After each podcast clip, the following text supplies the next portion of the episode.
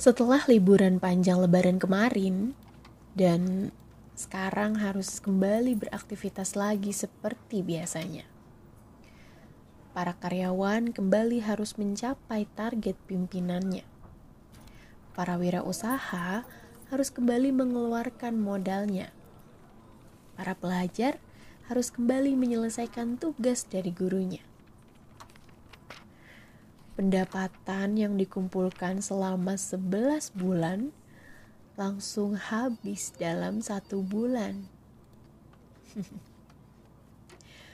Mengumpulkannya begitu lama, menghabiskannya begitu sebentar.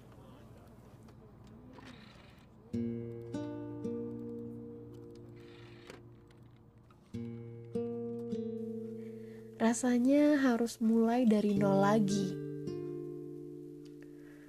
Hidup itu seakan sedang berbicara pada kita bahwa bahagia itu memang ternyata terjadi sebagai letupan kecil saja yang ada dalam sebuah garis panjang kehidupan dan terjadi hanya sesekali.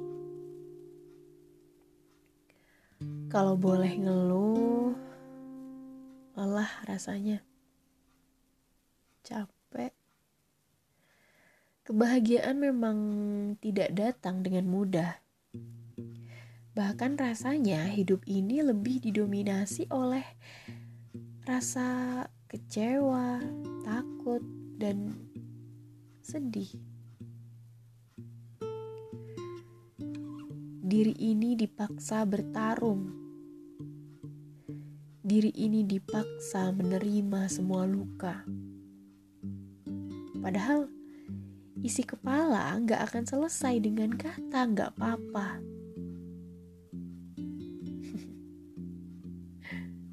Kecewa memang tidak pernah memberi kabar kalau ia akan datang. Setiap malam hanya bisa menangis karena kepikiran, bahkan dipaksa tidur untuk melupakan. Buka sosial media cuma bisa heran ngelihat orang-orang yang selalu punya jalannya. Bingung gimana caranya mereka melewati fase demi fasenya. Dan rasanya kita hanya diam di tempat, nggak tahu juga jalan atau enggak sih kita. Kok kita nggak kayak mereka?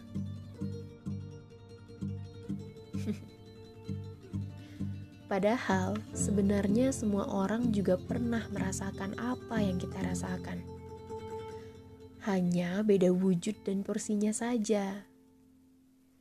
Justru kadang seharusnya diri sendiri yang perlu dinasehati. Supaya irinya tidak semakin tinggi. Sabar, jalan masih panjang kita nggak ada yang tahu loh besok akan seperti apa. Nggak tahu juga ke mana hidup akan membawa kita.